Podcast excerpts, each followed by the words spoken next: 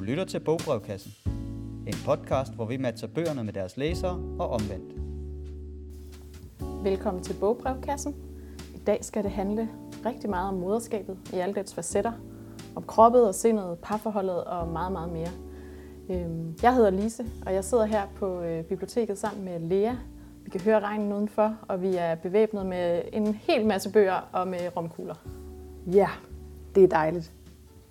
Grunden til, at det skal handle om moderskab, det er, at vi har fået et rigtig fint læserbrev, og jeg vil lige læse det op her. Kære bogbrevkassen, jeg skriver, fordi jeg så gerne vil være en flue på væggen i min kones moderhjerte. Vi har to børn og venter nu en efternøler. Begge gange vi er blevet forældre, har vi haft lidt startsvanskeligheder, og jeg kan høre sætningen, du forstår det ikke, du er ikke mor, med min kones udmattede stemme. Og det har hun jo nok ret i. Jeg har ikke groet barnet i min krop, jeg har ikke født det, ikke ammet det. Men jeg vil så gerne forstå, og min kone synes, det er svært at forklare følelsen af samhørighed, af barselsudmattelse osv.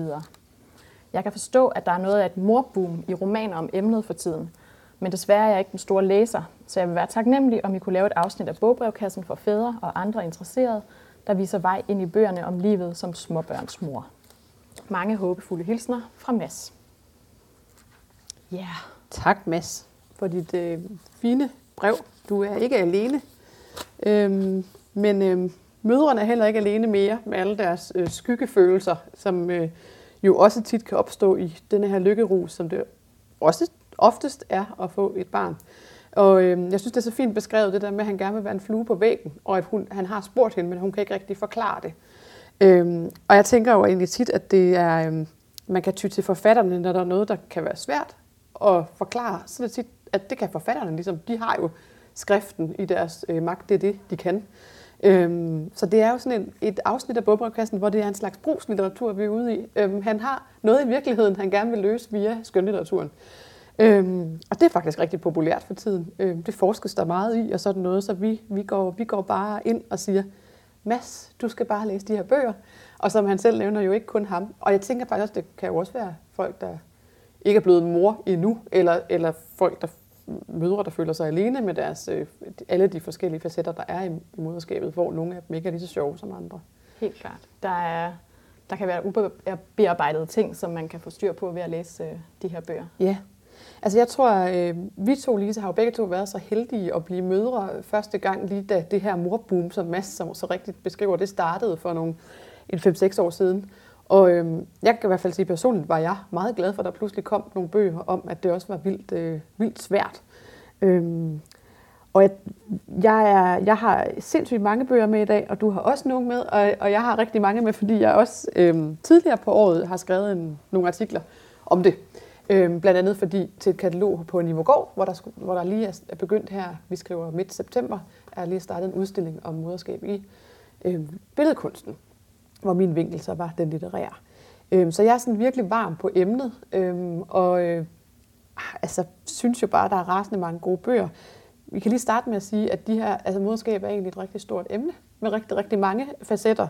Øhm, og at vi kommer ikke specielt meget ind på i dag, at øh, de her mødre elsker det også at være mor. Vi kommer ligesom mere ind på de ting, som, som Mads, eller som en, en, en flue på væggen kan få i forhold til det, der kan være lidt svært med moderskabet.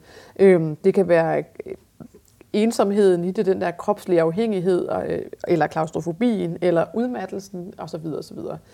Og de her, de her bøger er altså også vildt forskellige. Nogle af dem er meget øh, helt almindelige gode romaner og nogle af dem er meget kunstneriske eller næsten essayistiske, og langt de fleste af dem er selvfølgelig sådan stærkt selvbiografiske.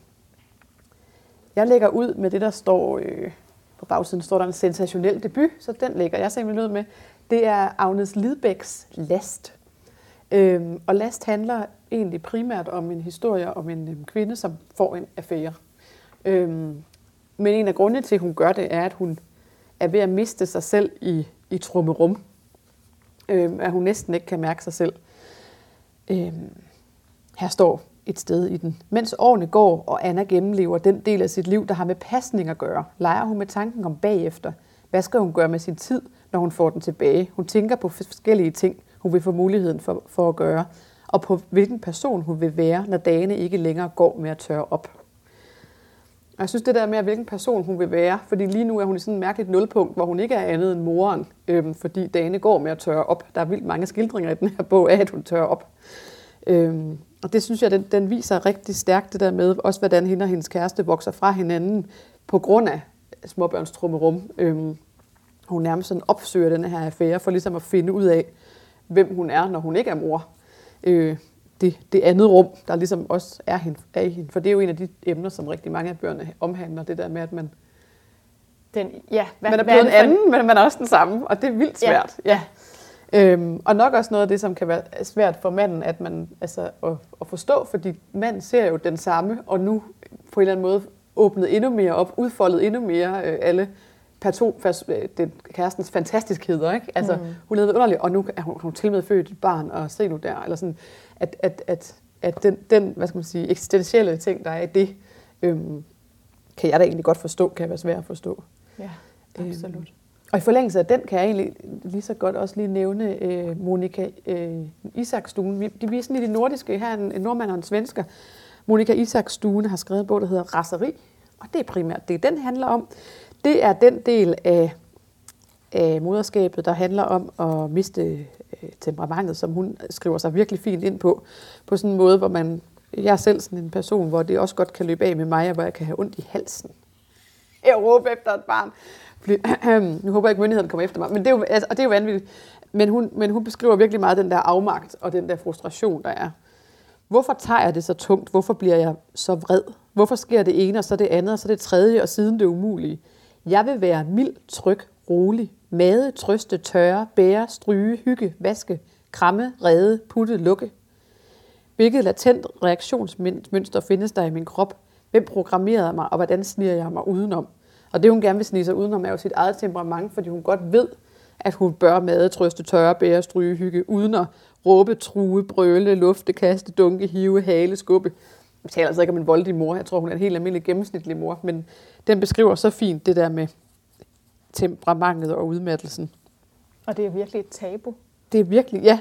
Jeg læser lige bare lidt mere op også fra den, for jeg synes, den gør det så godt. Øhm, opkast på køkkenbordet, dyner i stuen, fjernbetjening til tv'et i skuffen med gylbeklude, gylbeklude på hylden med glas, glas spredt ud over soveværelset, hovedpude i sofaen, so- sofapuder på børneværelset, legoklodser i toilettet, ikke mere toiletpapir osv. osv., osv. Hvem er det, der har trukket alle vådservietterne ud af pakken?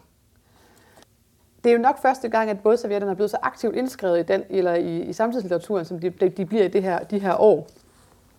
Og det leder mig flux over til... Øh, du har flere vådservietter. Jeg har flere, der er simpelthen flere vådservietter. Også i, øh, hvad kan man sige, den mest hypede danske bog, der er blevet udgivet i år. Meter i sekundet, skrevet af Stine Pilgaard, det er hendes øh, tredje roman. Øhm, der er simpelthen en grund til, den, øh, til al den her hype. Altså, øhm, jeg slugte den på to dage. Jeg grinede højt undervejs, og jeg havde lyst til at skrive utrolig mange citater ned, fordi den er simpelthen så sjov, så klog øh, og så sprudlende. Har det helt på samme måde med den. Ja. Den handler om øh, hovedpersonen og hendes øh, kæreste og deres lille søn, som er sådan under et år. De flytter til Vestjylland, hvor, øh, hvor øh, fortællerens kæreste skal arbejde på højskole, og hun er lige pludselig sådan et, øh, et tilbehør. Og den handler på mange måder om det her med at falde til, både i nye omgivelser, i nye relationer, og i den grad også i forældreskabet. Øhm, og den består sådan af, ja, den skildring af det her år, og der er også nogle ret virkelig, virkelig morsomme og skarpe brevkassesvar som en del af romanen. Hun bliver Øh. hyret som lokal brev- brevkasseredaktør. Hun bliver simpelthen, hun siger, hun er et orakel, så hun øh, bliver hyret som, øh, som brevkasseredaktør. Og der er, jeg tænkte bare straks på den her bog, da jeg læste øh, dagens øh, læserbrev, fordi der er simpelthen et genialt spørgsmål øh, i den her brevkasse, som jeg lige vil læse op. Jeg skal bare lige finde den her. Der står, kære brevkasse, jeg er en ung mand, der for nylig er blevet far til tvillinger. Det er en stor glæde for mig at få en familie, og min kone er på næsten alle punkter et fantastisk væsen. Dog oplever jeg nogle gange, at hun bliver vred på mig til synlædende uden grund. Jeg forsøger at hjælpe så meget som muligt, og mener ikke, at jeg løber fra mit ansvar. Alligevel ser hun indimellem på mig og siger, skal jeg amme dem, eller vil du? Jeg forstår ikke, hvad jeg gør forkert. Gør du? Venlig hilsen manden. Så kommer der et genialt svar i brevkassen. Det handler om en øh, vanskelig fødsel. Øh, min ven Frederik har en kone, der hedder Line. Hun havde en meget kompliceret fødsel, der varede over tre døgn. Og så på et tidspunkt, så beder ham her Frederik en sygeplejerske om to ipræner. hvor efter Line kigger på sygeplejersken. Hun ser hende ind i øjnene og lagde armen om hendes hals. Udefra lignede det begyndelsen på en omfavnelse, men Frederik stod tæt på og kunne se Lines fingre kærtegn jordmorens strobe. Hun kiggede over mod alarmen, der hang på den modsatte væg. Okay, sagde jordmoren og gik med Line tilbage til fødestuen. Jeg har diskuteret det med flere af mine veninder, og meningerne er delte. Man kan sagtens argumentere for, at Frederik skulle have haft sine i præner. Man må adskille tingene. Problemet er bare, at det kan være svært. Kære mand, velkommen til urvreden. Hvad du må forstå er, at der er tale om et biologisk oprør, der retter sig mod naturen. Man må ikke forveksle det med almindelig bitterhed. Vi har at gøre med et blindt raseri, der giver ekko gennem tiden. Hvad du mærker, er ikke kun din kones vrede, det er også hendes mors vrede og hendes bedstemøders. Det er en øredøvende torden gennem slægter. Tag dig i agt for urvreden. Tag den ikke personligt, men tag den alvorligt. Det synes jeg er en... Der, er en, der kan komme en vrede, og, øh, og den er ikke, øh, den kan ikke forklares. Og det, det er så, det er så For genialt. den er ur. Ja. Og den er, det er en urting, og ja, det er så genialt. Jeg vil sige, der, altså, igen, der er så mange fine øh, citater, som man bare sådan har lyst til at tage ind i sit eget liv og bruge. Altså mm. de her øh, geniale brevkastesvar. Der er også, øh, jeg synes også, det handler meget utroligt om det der med forældreskabet, om ikke at kun fortabe sig i at blive forældre, men også at huske, at man er noget andet. Altså der er et eksempel, hvor fortælleren og hendes mand, de er taget ud for, øh, på, på deres første date, og de ender med at sidde bare kun og tale om deres barn. Øh, det er der nogle øh, gymnasieelever, der, der, øh, der opdager, og så øh, begynder de simpelthen at lege sådan en drukleg med de her gymnasieelever, hvor de skal bunde et shot hver gang en af dem kommer til at nævne deres søn, og øh, de bliver selvfølgelig utrolig, utrolig fulde. Men det er ret fint til at, at ligesom skabe opmærksomhed på det, at man også er noget andet. Det der med, at man også er noget andet. Der er også et sted i bogen, hvor hun, hvor hun, øhm, hun har fået en ny veninde i, i Bartels, hvad hedder det, sådan mødergruppen, Kriser. Hun siger et sted i bogen, at hun vil ønske, hun kunne se Kriser gennem, altså hun ser hende gennem sprækkerne i moderskabet. Jeg vil ønske, at vi havde et overbevisende arkiv af minder, vi kunne repetere sammen. Altså, ej, det er faktisk Christa, der siger det til hovedpersonen. Du skulle have kendt mig, inden jeg blev gravid, siger Christa. Det er synd, du må nøjes med resterne. Og det er jo også det der med, hvem var man før, og var man måske lidt sjovere eller lidt klogere. Jeg synes også, Olga Ravns øh, nyeste roman, Mit Arbejde, som er en meget stor og flot roman, jeg sidder med her. Det er en meget alvorlig roman, som både handler om moderskab og og, og fødselsdepression øh, og, og skriften. Øh, og hun har sådan en fantastisk passage, hvor hun blandt andet sammenligner det at skrive og det at føde et menneske, fordi man ligesom frigiver jo også teksten på samme måde, som man ad årene frigiver barnet. Altså sådan, man, man producerer det, og så skal det ligesom løsrives fra en selv. Øh, det er en virkelig, virkelig klog, meget sådan øh, interessant, meget litterær roman, som, fordi hun også opfinder et slags, en anden mor, der hedder Anna. Hun hedder også Anna, den anden mor i bogen her, og så, for, og, så, og så jeget. Og de er ligesom den samme og ikke den samme. Og sådan, så det, men det er ikke en svær bog, det er bare en, øh, det er ikke en bog med sådan et stort plot. Det er bare en bog, der handler enormt meget om moderskab. Øh, og den hedder blandt andet Mit Arbejde, fordi det jo er et slags arbejde. Hun siger et sted, at hun, anskuer, at hun anskuer kvinden som en forældet form. Hun tænker, at hele moderskabet er indrettet efter en kvinde, der ikke længere findes. En kvinde, der er tota-, totalt dedikeret til sit barn, til sit hus, som går hjemme, mens manden er på arbejde. Og et andet sted, der nævner hun det der med, at man ligesom, de der sprækker i moderskabet, eller det der med, at man, man er en anden, og man, er, man hænger sammen med barnet, og man gør ikke. Når en mor har født sit barn, sker der noget radikalt med hende. Barnet, som før var en del af hendes krop, er det ikke længere, men befinder sig stadig inden for hendes bevidsthed. Når hun er sammen med barnet, er hun ikke sig selv, men noget andet. Det kan fylde hende med en restløs længsel efter at vende tilbage til sig selv, fjerne sig fra barnet. Men når hun ikke er sammen med barnet, er det, er det som om dele af hende mangler. Hun er ikke sig selv. Hun er hverken sig selv eller ikke sig selv. Herfra kæmper hun. Da dette gik op for Anna, at hun hverken kunne blive kunne være med eller uden barnet og samtidig blive Anna, begyndte hun at holde op med at fortælle Axel om sig selv. Og det er jo det der med, at man, man føler, at man mister noget af sig selv ved at blive den anden, altså morrollen. Og det synes jeg, det tænker jeg, det er jo slet ikke alle, der har det sådan. Øhm, men jeg tænker, det er jo i hvert fald noget af det, som, som, hvor jeg personligt kan genkende noget, og tænker, det er med flot, at hun har fået formuleret det her, for jeg synes, det, det er svært. ja, hun siger også, at hun hele tiden regner med, at der kom den der lykke. Altså, at man har hørt de her historier om at blive mor, og hun troede på lykken, og hun troede på historien. Men jeg fandt ingen lykke i det værelse, hvor man havde bedt mig om at lede efter den. Altså det her moderskabets værelse. Det, det er en hård bog, men jeg synes også, det er også en vildt smuk bog, og projektet er vildt smukt. Et sted skriver hun, at hvis hun kommer af med alle det her tvivl og ulykke omkring moderskabet, ned i bogen. Så kan hun ligesom give det fri til den, og så kan hun forhåbentlig ligesom finde, finde sig mere tilpas i det. Lidt forsimplet sagt. Jeg synes, det er en meget smuk og vigtig bog på en eller anden måde. Det handler igen også om at få de her nuancer af moderskabet Ja. med, fordi det kan hurtigt komme til at, Ja. at blive så Altså du kan se, jeg har sat æselører. Jeg har nærmest sådan splittet bogen af at lave æselører, fordi der var så mange gode pointer i den, synes jeg, i forhold til moderskabet.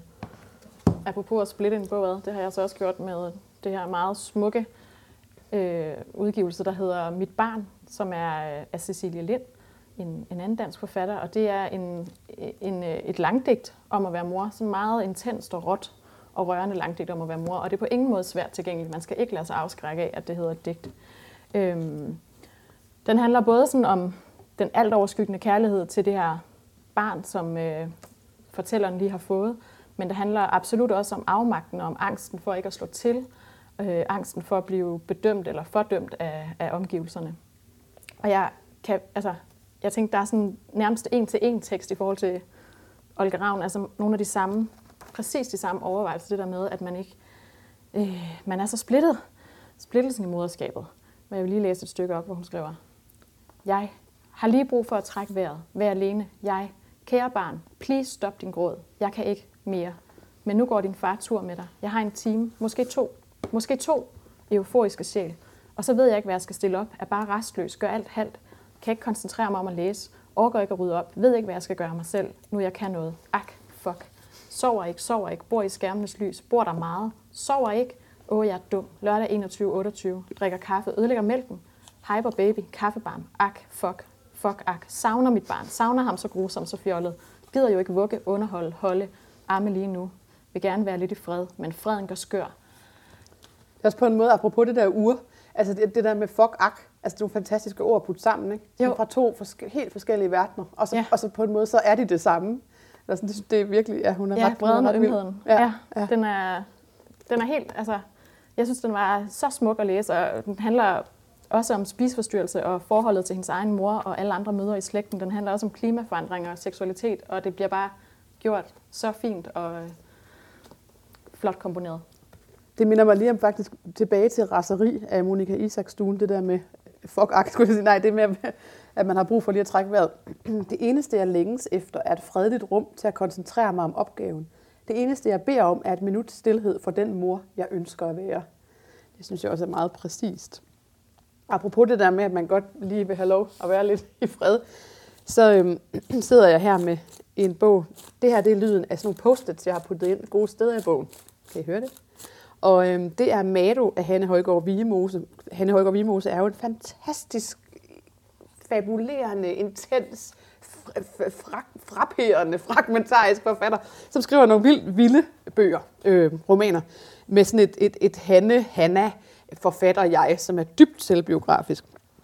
Og, øh, og i Mado her, som jo både betyder mor og morter på øh, koreansk, tror jeg det er, så øhm, er der rigtig, rigtig mange passager med, med denne her for, fortællers øhm, børn. Og der er også meget, de siger, og meget, de gør. Øhm, og de er virkelig, de er vildt, øh, jeg tror, altså de, de er meget søde og irriterende. Altså de er ligesom, hvad børn nu engang er. Jeg tror, det er efterhånden meget, meget kendte citat fra denne her bog, som også, øh, tror jeg, nok hænger på væggen på Niveau Gård til udstillingen der. Det lyder sådan her. Hvis jeg skulle sige noget helt ærligt om det at være mor, så er det nogle gange sådan her. Jeg tænker på at tage mine bryster og stikke af. Så ville drengene tørre ud, svinde ind som skrumpehoveder. Jeg kunne komme og hente og hænge i mit bælte, eller stille på skrivebordet, eller som trofæer. Eller jeg tænker på at lægge brysterne på køkkenbordet med en seddel. Tag selv mælk. Jeg kommer måske tilbage. Mor. Der har hun så enten lagt brysterne eller stikket af og fået sine børn til at blive skrumpehoveder. Men, men jeg kan godt- klaustrofobien, der jo også kan være der, drømmen om frihed, den der med, at man altid skal repetere, lige om lidt af de store, lige om lidt af de store, og lige om lidt af de store. Nyd det nu, nyd det nu, nyd det nu. Vi haster afsted. Kan vi haste videre til noget med nogle billeder? En øh, graphic novel, som øh, er blevet meget populær, der hedder øh, Hver dag starter det forfra. Bare Virkelig. titlen er blevet meget populær. Den siger også det hele, Den faktisk. siger det hele. Det er af Line Jensen. Skulle vi Øh. sige, hvis man ikke skulle læse nogen af de her bøger, men bare en sætning, så skulle man bare læse titlen hver gang starter det forfra. Hver dag starter det forfra. Det er den følelse, man kan have. Præcis. Øhm, det her det er jo, en, som der står, en slags graphic novel, med en masse sådan enkle, lidt skitseprægede tegninger og sådan nogle virkelig sjove, korte kommentarer til de her tegninger. Det er simpelthen en skildring af livet som mor på barsel med det tredje barn. Øh, det er om kærlighed og kaos, kedsomhed, træthed, bitterhed, ømhed. Det rummer ligesom det hele, og det er, den er så let læst. Jeg tænker, den er sådan, det er sådan en, man lige kan styrke sig på, hvis man tager en uh, timeout ud på toilettet. øhm. Og noget af det, den virkelig handler meget om, det er det der med, at hun, altså at faren til de der børn, han er der også, han er egentlig sød nok, han har bare ligesom sin egen karriere som sådan en rockgitarrist kørende, eller, eller er, er sådan væk og sådan ringer hjem og synes, det er hårdt at sidde og spise sushi med nogle venner, fordi altså, der, det, det, er sådan et helt andet liv, han kører, samtidig med, at han også er børnefar. Og hun har ikke andet liv, end det hun ligesom, så hun er ret træt af det der med, at hvordan han ligesom, ja. ja. Og hun sidder der fanget med havregrynene på gulvet, og børn, der skriger, og øh, ja. Også det der med, hvordan, altså, hvad, hvad sker der med parforholdet? Jeg synes, den er ret sent, den ene tegning, hvor sådan, de, de øh, kæresterne der, manden og konen, står over for hinanden og siger, hej, hvem er du? Og så står der, i går var lidt sådan en dag her. Og den øh, tror jeg, at de fleste, ja. der er blevet forældre, ligesom øh, kan ikke genkende. Også den, der er også en, hvor hun står ude i regnen med to småbørn og siger, har I egentlig tænkt over, at for hver rockmusiker oppe i årene, der står der ude og gasser op på festivalerne, står der en familie ude i regnen og holder ferie alene. Tænk lige over det. Ja, den er, den, er, den er så sjov, og jeg synes, øh, den er sådan et, et opgør med det der perfekte billede. Man, Samtidig med, at der er enormt meget rum for varmen også. Og der er noget, meget altså, varme. Ja. Der er utrolig meget varme og kærlighed. Meget, meget fint. Ja. Jeg tænker også, nu øh, der stod i læserbrevet, at øh, hans kone jo øh, snart skulle føde. Eller i hvert fald, at efterløberen var på vej, og hun er gravid. Og jeg tænker, øh, en af de bøger, jeg savnede at læse, da jeg, øh, eller ville ønske, jeg kunne have læst dengang, øh, inden jeg skulle føde, det var et dyb Plambæks til min søster. Hovedpersonen er en historiker, der hedder Aya. Hun bliver forladt af sin kæreste. Hun skal føde sit barn alene. Men der er også en fortælling om hendes søster, Andrea, som har været i et voldeligt forhold, og også om I.P. Jacobsens ungdomskæreste, Anna Mikkelsen, som endte på et øh, sindssygt hospital. Øhm, men der, hvor jeg sådan tænker, den er super relevant, det er simpelthen i de første 100 sider af bogen, som øh, fortæller inden fra fødestuen og barselshotellet. Øh, og det er simpelthen altså, de bedste beskrivelser, jeg har læst. Jeg har meget detaljeret. Ja. Meget detaljeret, meget kropsligt, men ja, både sådan om, hvad der sker øh, for kvinden, sådan rent, både rent kropsligt, men også mentalt. Øh, jeg vil lige læse lidt op her. Øh, hun snakker med sin søster og siger, øh, og søsteren spørger, om hun skal komme, siger hun. Nej, nej, det var en fremmed stemme i mig, der skreg. Stemmen skræmte mig. Den lød som et flerstemmigt kor. Det var, som om jeg stod oven på et kor af mødre og skreg. Mens barnet kæmpede sig ned gennem fødselskanalen, kæmpede noget andet sig op i mig. Et andet jeg, skrigende. Og igen det der med at være en del af, tilbage til, til urkvinden. Mm. Eller sådan. Og det er jo interessant, den der samhørighed, der, den der ursamhørighed, fordi jeg synes jo samtidig, der, altså, at, at, at det er kommet mere og mere frem i alverden sådan læserbreve, eller, og også forskning og sådan noget, at der er en stor ensomhed forbundet med barselen. Og at det der med at sidde i en mødergruppe som den eneste ikke føler sig rigtig, og at der måske sidder flere i en mødergruppe, der sidder og føler, at de er de eneste, der ikke føler sig rigtige, at børn ikke har den rigtige slyngevugger. Altså alle de der ting, som er sådan lidt overfladiske, sådan hele den der kapitalistiske del af moderskabet, øhm, hvor jeg sådan tænker, det er jo, det er jo interessant, at, altså, at der trods alt føles et fællesskab her i, men det er bare ikke et, det er ikke et nutidigt fællesskab, det er et ned igennem generationerne. Eller sådan. Ja. Og igen et, som det kan være rigtig, rigtig svært at sætte ord på. Ja. Øh, ja. Jeg synes også noget af det, som den gør rigtig fint, det er det der med, at der er også nogle fantastiske beskrivelser af det at have vejer, altså, som kan være ret spændende for en mand at læse. Men jeg synes også, det handler meget om det der med at miste, miste den krop, man, man kender. Øh, at den er ja, dels den der kæmpe forandring, men også at den faktisk bliver et samfundsanlæggende. Det synes jeg, hun skriver rigtig fint. Min krop var ikke længere min. Den var et samfundsanlæggende og havde været det, siden jeg opdagede de to streger på graviditetstesten og ringede til lægen. De to streger dannede et skæld mellem det tidspunkt, jeg var mig selv, og det tidspunkt, hvor samfundet overtog min krop og kontrollerede den. Samfundet målte og vejede den, undersøgte dens urin og blodtryk, om jeg var i risiko for at få sukkersyge eller svangerskabsforgiftning, om barnet voksede som det skulle, om det havde kromosomfejl, ganespalte, hjerteproblemer, en nyre, lunger og lever og et hjerte.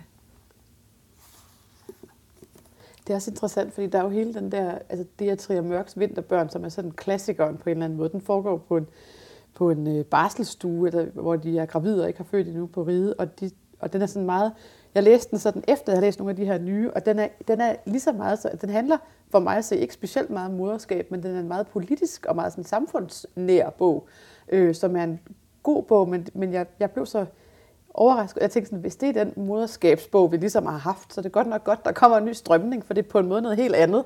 Og jeg tænker også, at mange af de her bøger med fordel kan læses af bedsteforældre. Så den der sådan, øh, altså jeg bor i et bofællesskab med en, en nabo, der lige sagde den anden dag sådan, det er nok bare, fordi jeg ikke kan huske det. Fordi jeg stod med de her to børn, der ville hver deres retning, og jeg, og jeg sagde sådan, hvordan gør man egentlig? Altså, er der nogen løsning på, når de går hver deres retning? Eller, jeg er jo kun den ene, de er jo to. Øh, og man var sådan, gud, ja, det er da egentlig. Ja, det kan jeg slet ikke. Jeg, jeg kan ikke huske, hvordan man gør. Og sådan, på trods af, at hendes børn ikke var voksne endnu. Altså, hvor jeg sådan tænker det der med, at der er jo også, der er meget, man sådan lige glemmer, når man ikke er i situationen. Og der tror jeg også, i forhold til at forstå sine egne voksne børn, for eksempel, at der er, der er meget godt læsestof her. Også fordi der, det er noget helt andet i dag. Altså den der klassiske historie med, at dengang kunne man bare tage børnene med hen, bla bla, eller sådan, at det er en helt anden øhm, hvad skal man sige, tendens, som forældre nu taler ind i, end det var i ja. for 30 og 40 år siden. Ja.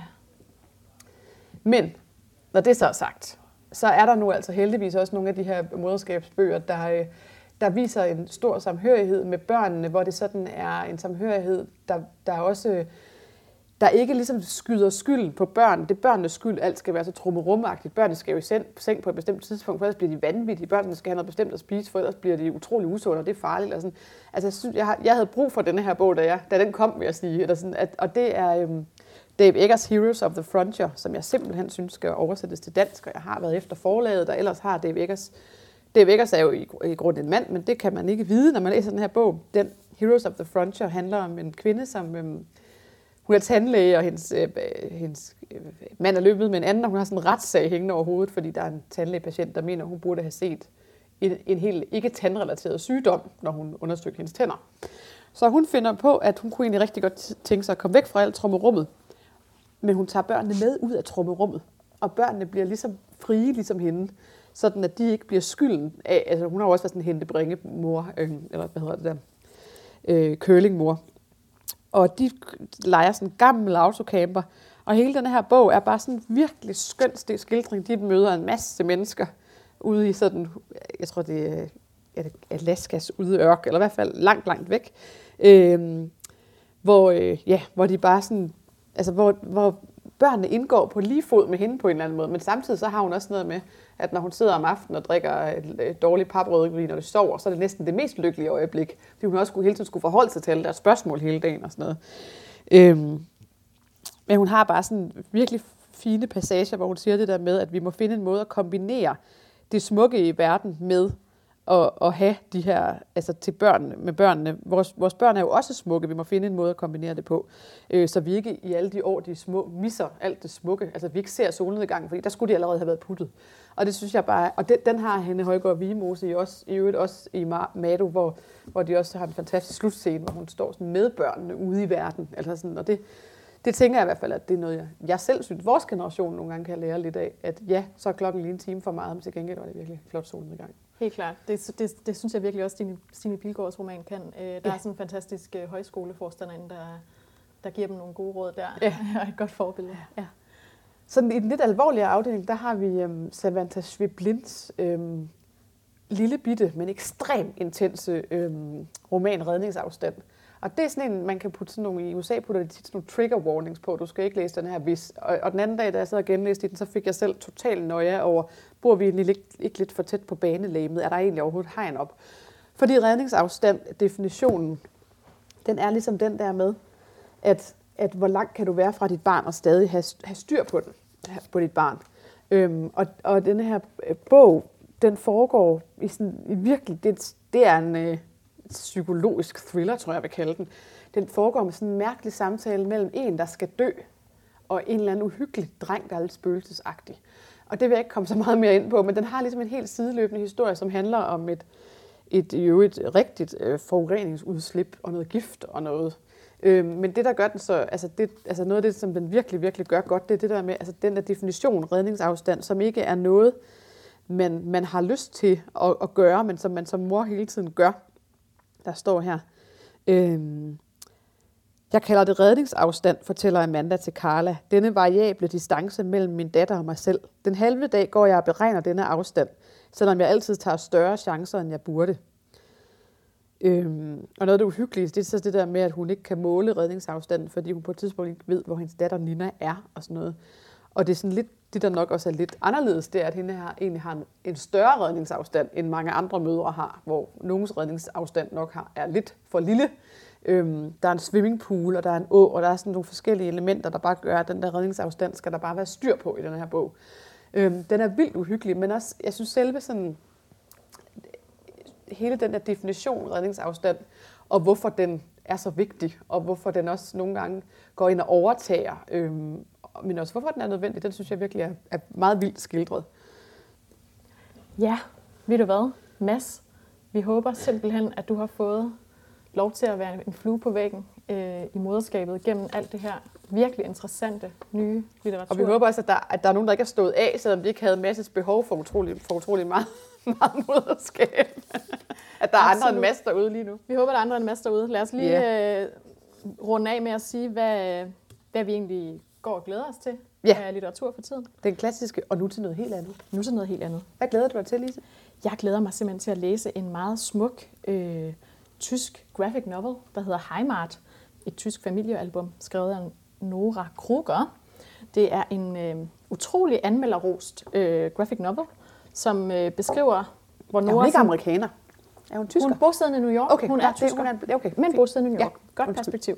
Men altså, den beskriver ligesom øh, hele den her skam, der er forbundet med at være tysker øh, efter ja, øh, 2. verdenskrig. Og øh, hun dykker ned i sin egen helt almindelige tyske families liv. Øh, ja, den lyder virkelig, virkelig interessant. Jeg synes det her omkring, hvordan de her tabuer ligesom øh, forgrener sig i, i historien. Det... Og i øvrigt er ret fedt, jeg har læst flere gode af de der biografiske graphic novels. Altså den, den form kan virkelig noget. Ja. Det er meget, meget skønt. Ja. Jeg glæder mig helt vildt meget til øh, Max Porters øh, nyeste roman, Lanny. Max Porter er sådan meget, meget også øh, anmelder rost øh, britisk forfatter, som øh, jeg lige fandt ud af i dag, altså ser meget ung ud, så det er han nok også. Øh, men, men jeg troede egentlig ikke, han var, fordi Lanny og også den tidligere hans debutroman, der hedder Sorg er et væsen med fjer, øh, er sådan nogle meget alvorlige, og de foregår i sådan nogle landsbymiljøer, så jeg havde måske set et eller andet pensioneret øh, gymnasielærer for mig. Men øh, det er i hvert fald nogle bøger, som der, der står ligesom om, om øh, Porter, at han ikke skriver klassiske romaner, men opfindsomme værker, som både har det her sådan meget overnaturlige, mystiske og det meget hverdagslige, og som øh, på en gang er sådan virkelig sådan, øh, øh, lunefulde og alvorlige. Og jeg er selv dårlig til magisk realisme, jeg er dårlig til, når der sker et eller andet, der ikke kan lade sig gøre i virkeligheden. Øh, men jeg har fået smag på det, efter jeg læste Mathias Faldbakkens De fem, Via 5, hvor øh, altså noget lær jo bliver meget levende. Og den gik jeg med på, den præmis. Så nu tænker jeg, nu kan jeg også godt klare, at der er øh, Dr.